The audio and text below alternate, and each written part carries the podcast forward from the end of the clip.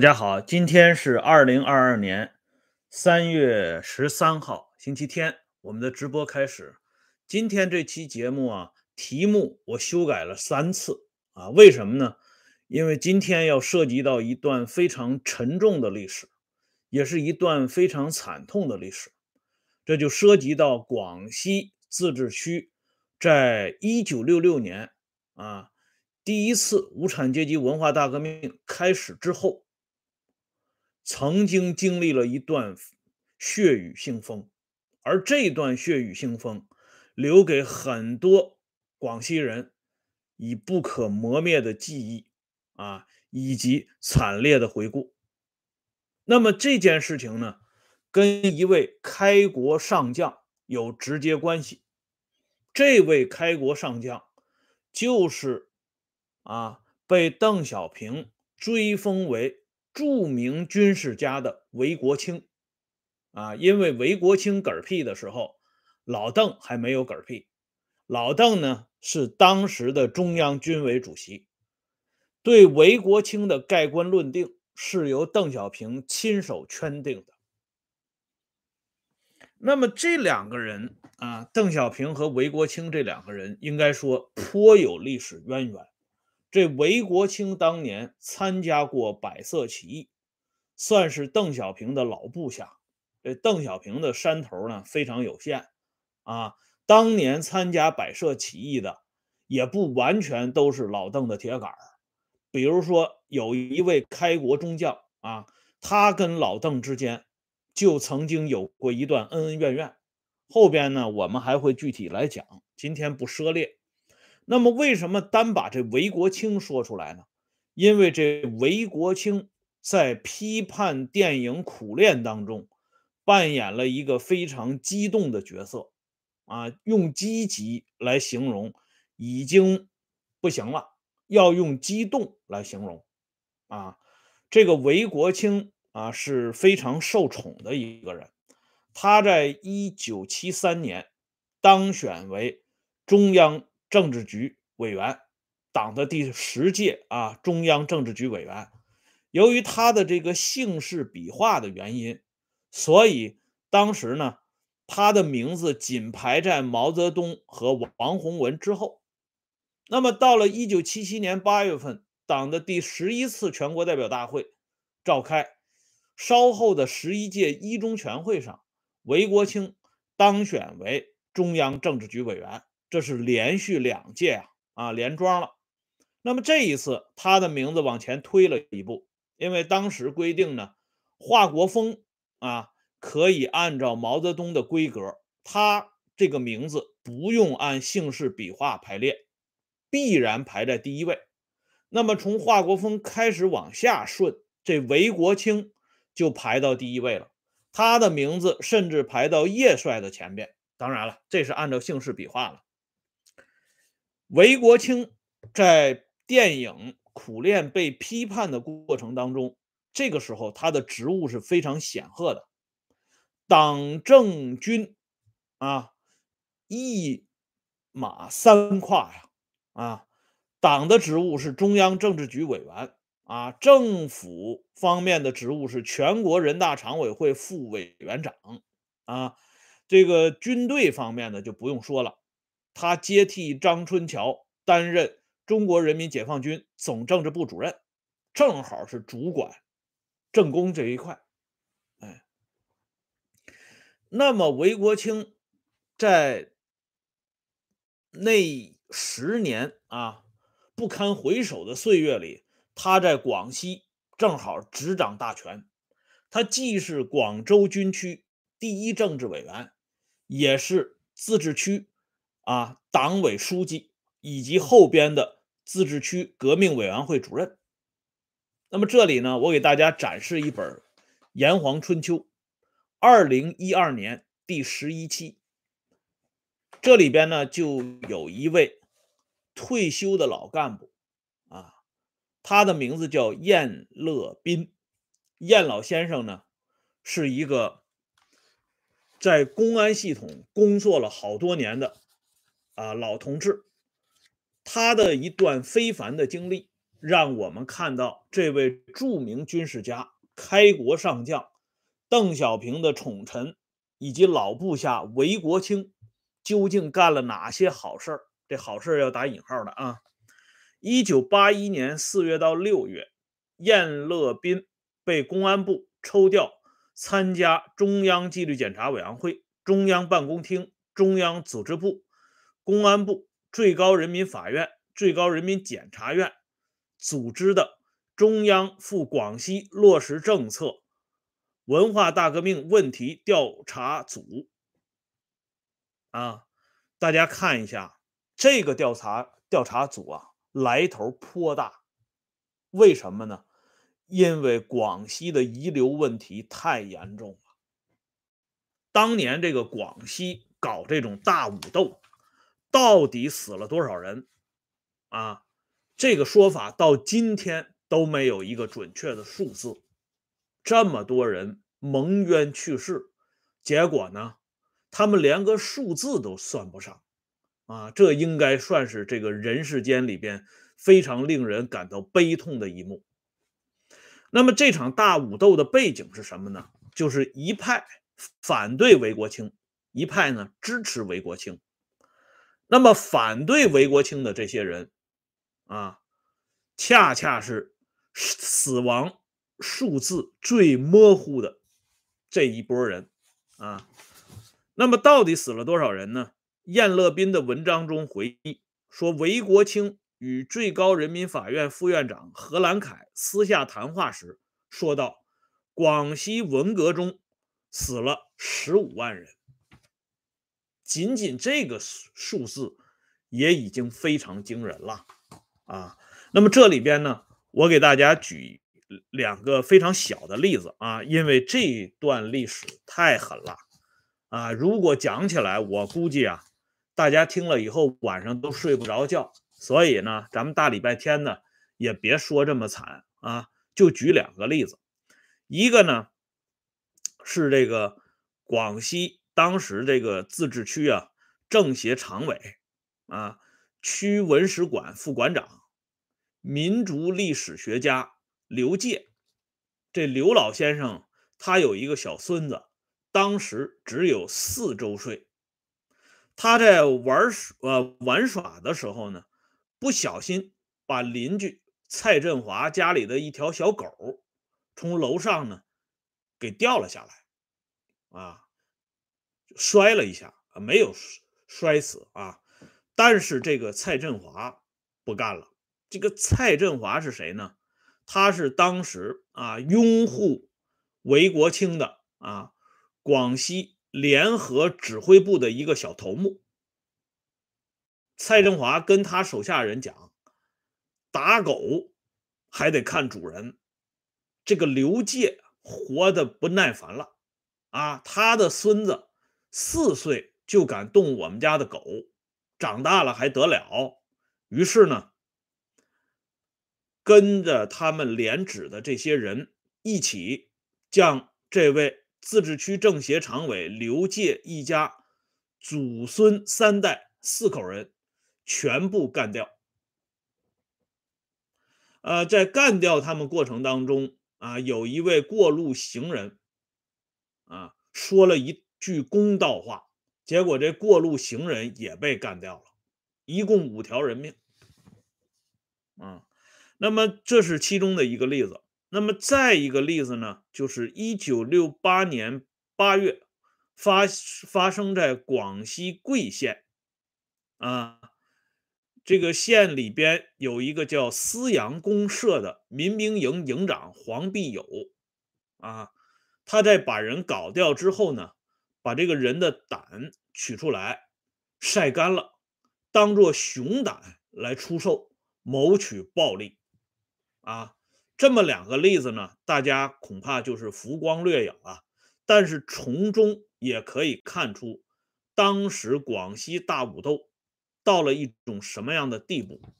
这也就是为什么中央两次对广西问题做过重点调查，一次是一九八一年四月到六月，再一次是一九八三年四月到一九八四年一月，啊。那么第一次规格最高啊，因为这个参加的人数最多。而这个时间点，大家看一下，一九八一年四月到六月，韦国清坐不住了啊，因为他非常清楚，在这一次啊调查当中，肯定要涉及他的问题，而那么多人啊，在那么短的时间内陆续含冤去世，你作为广西地区的第一把手。你就算是没有直接责任，也要有间接责任。所以韦国清他要甩锅啊，他要移动大家的眼球。这个大家不包括你我这些普通人，这个大家指的是上层。所以这个时候，韦国清的机会就来了，因为一九八一年三月二十七号，邓小平。专门找韦国清谈话，就谈到反对错误思想的问题，其针对对象就是电影《苦练》改编的《太阳和人》。韦国清心花怒放啊，来了救命稻草了，所以韦国清马不停蹄的马上部署《解放军报》，发出重点文章，对电影《苦练》。进行全面的炮轰。这个《解放军报》当时非常卖力气啊，按照韦国清的部署，给电影《苦练》罗列了七条罪状。第一，《苦练》把爱国主义和爱党爱社会主义对立起来。第二，否定党领导下的社会主义国家。第三，通过艺术形象散布。背离社会主义祖国的情绪。第四，最重要的啊，第四点，居然把祖国和四人帮、把党和四人帮混淆起来啊，合着这个祖国和四人帮以及党和四人帮是两码事儿啊，这大家要注意一下啊。第五，打着反封建、反迷信的旗号，居然要否定毛泽东同志的历史地位和毛泽东思想。第六，电影当中以天上的人字雁群和人是天地间最高尚的形象作为主题曲，反衬中国大地上人的命运的悲惨，指责我们啊践踏了人的尊严，制造了人间悲剧。第七，借屈原的故事鼓吹求索。让大家怀疑社会主义，破坏四项基本原则，一共是七条大罪状啊！啊，这七条罪状哪一条都能把人干倒。哎，所以大家看一下，这韦国清为什么被邓小平追封为著名军事家？哎，确实啊，很有一套打法。那么这个《解放军报》这东西出来以后呢？立刻啊，引起轩然大波，因为这个时候大家知道啊，这是拨乱反正的关键历史阶段啊。三中全会也开了，五中全会也开了，六中全会也开了啊。该平反的大部分都在平反，怎么这套东西就是十年浩劫当中的这些大家最熟悉不过的东西，突然通过解放军报发了出来。所以这个时候，有很多人特别气愤，哎，只是呢，人们这个时候万万没有想到，韦国清炮制的这篇文章，其背后主使就是那个一向以开明示人的邓小平。这里呢，我们要回顾一下三十年前的一段往事。一九八一年，三十年前就是公元一九五一年。因为在这一年的五月份，《人民日报》发表一篇重磅文章，要求全党全军、全国各族人民认真看待电影《武训传》所展示的问题。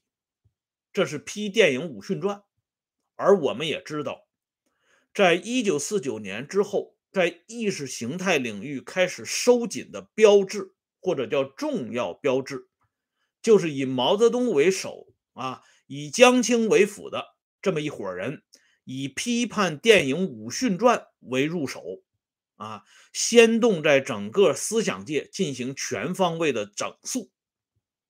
哎，而到了一九八一年，三十年之后，啊，这老毛病又犯了。那么这一次呢，没有了伟大领袖，也没有了旗手江青，有的是总设计师邓小平。这么开明的人物啊，如此的鼓吹实践是检验真理的唯一标准，在大会上冠冕堂皇的跟大家讲思想解放的重要性，但是呢，他却亲手发动了对电影苦练的批判，啊。这里边呢，韦国清是急先锋，而就在这个时候，一个已经下野的啊，或者叫即将退出政治历史舞台的老人发话了。这个人是谁呢？这个人是华国锋。哎，从批判电影《武训传》。到批判电影苦练，我们可以感到毛泽东和邓小平这两个人，除了名字不同，啊，个头的高矮不同，他们在政治本质上没有任何不同，啊，打的旗号呢，一个叫阶级斗争，一个呢叫改革开放。实际上呢，阶级斗争也是改革开放，改革开放呢也是阶级斗争。只不过啊，给大家看的正反面不同罢了。其核心一点就是坚持党的领导啊。刚才有位朋友就问了，说华国锋说话还管用吗？哎，这个提问问的好啊。正是因为华国锋当时这个地位，他说的这一段话啊。才让我们感觉弥足珍贵、难能可贵，因为当时发生了重大的变化。一九八零年十月十十一月十号到十二月五号，邓小平利用非组织手段，连续召开九次生活座谈会，批判华国锋。什么叫非组织手段呢？就是你没有通过。党章上规定的正常程序，公开和半公开的纠斗党的合法的最高领导人啊，这就叫非组织手段。毛泽东当年搞掉刘少奇，还要通过中央工作会议，还要通过八届十一中全会和八届十二中全会，并且这两次中央全会做出的决定。要由党的全国代表大会予以确认，就是党的九大。哎，就是毛不敢做的事情，邓破了先例了。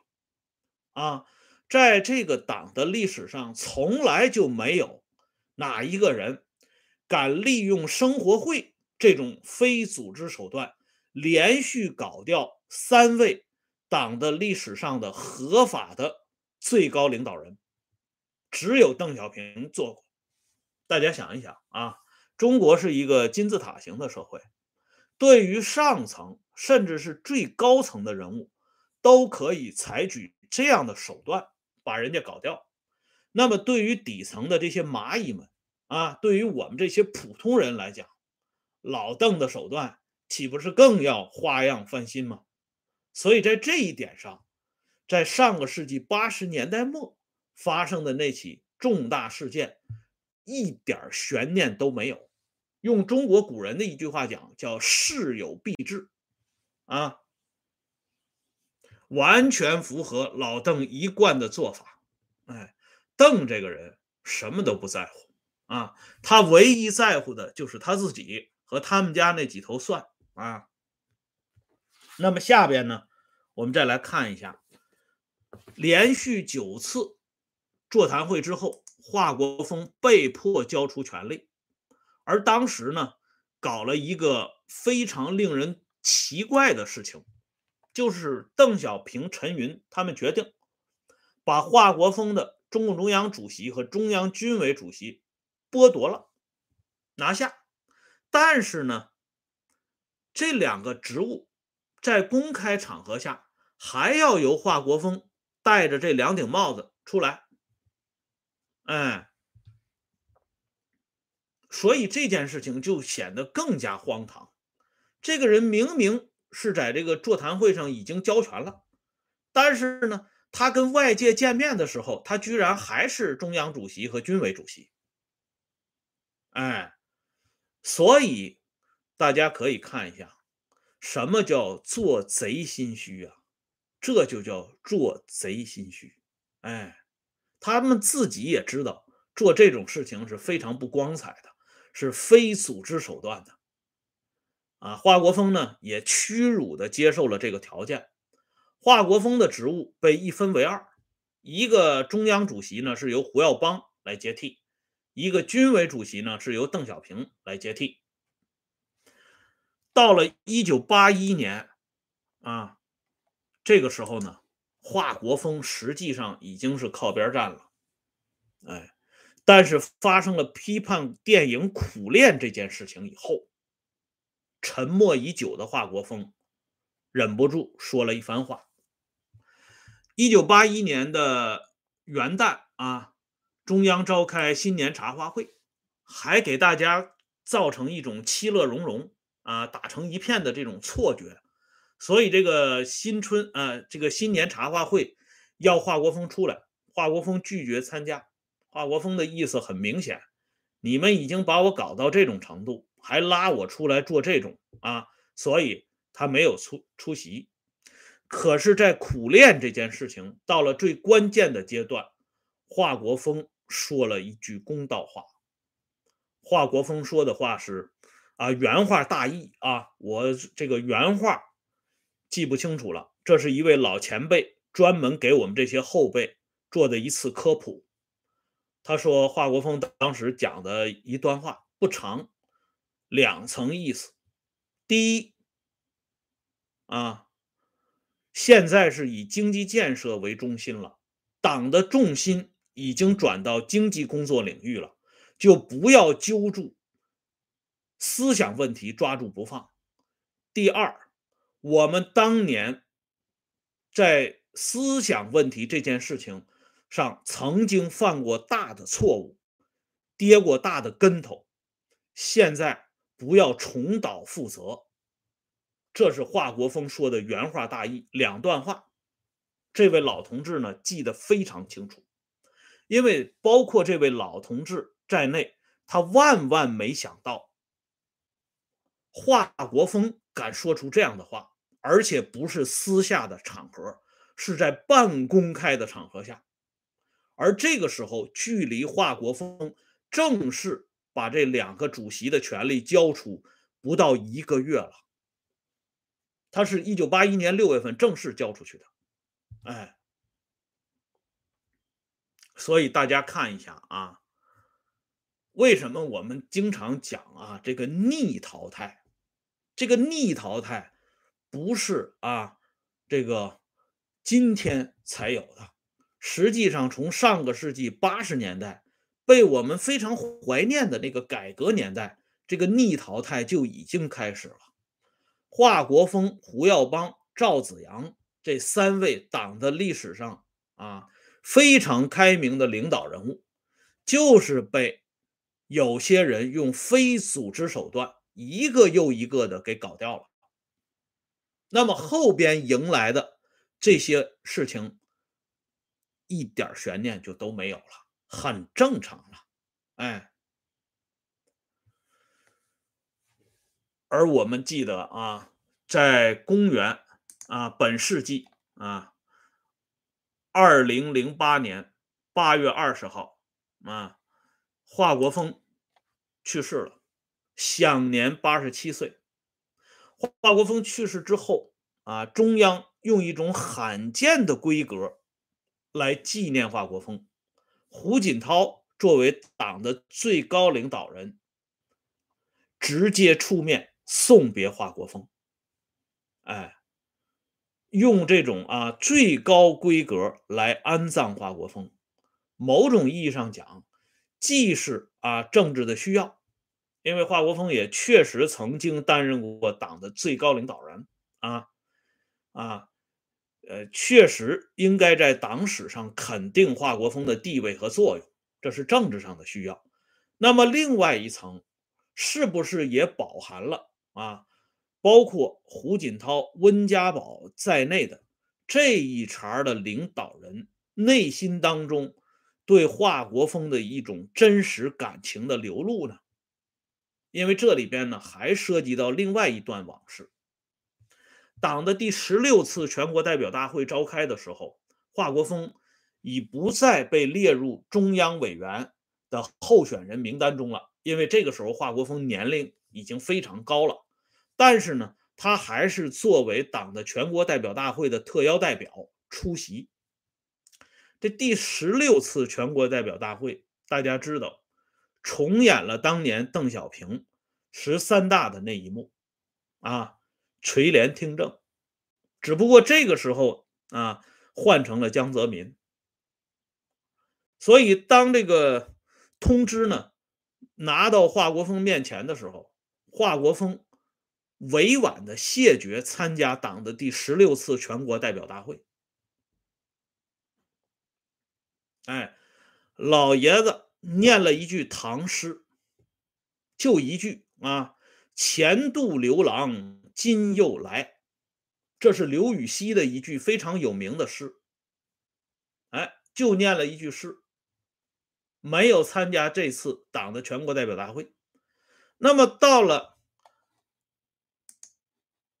二零零七年，党的第十七次全国代表大会的时候，华国锋按说他比二零零二年又年长了五岁。哎，这华国锋呢，居然出席了党的第十七次全国代表大会。哎，按说当年不是年龄大了不能去了吗？怎么这一次啊，这五年之后身体变得越来越好了？哎，因为呢，党的第十七次全国代表大会呢，正式的确立了胡温这一代的领导地位，啊，没有那个什么啊半退啊啊这类的这些乱七八糟的事情了。所以华国锋参加了最后一次党的全国代表大会。哎，这件事情的微妙的感觉，我相信明眼人一下子就能明白。那么这件事情与后来胡锦涛送别华国锋有没有必然的联系？这个我们不知道，这个需要啊有证据来说话。只是呢，我们把这种现象罗列出来，这个核定本拿出来供大家参考。好了，今天呢，咱们这期节目就说到这里，感谢朋友们上来点赞、收看和收听。围绕电影《苦练》所展开的。啊，一系列的政治斗争就此拉开帷幕。所以呢，后续还要有一期节目来讲一下这个话题。啊，今天呢说到这里，啊，欢迎大家关注温相会员节目，经常有更新。再见。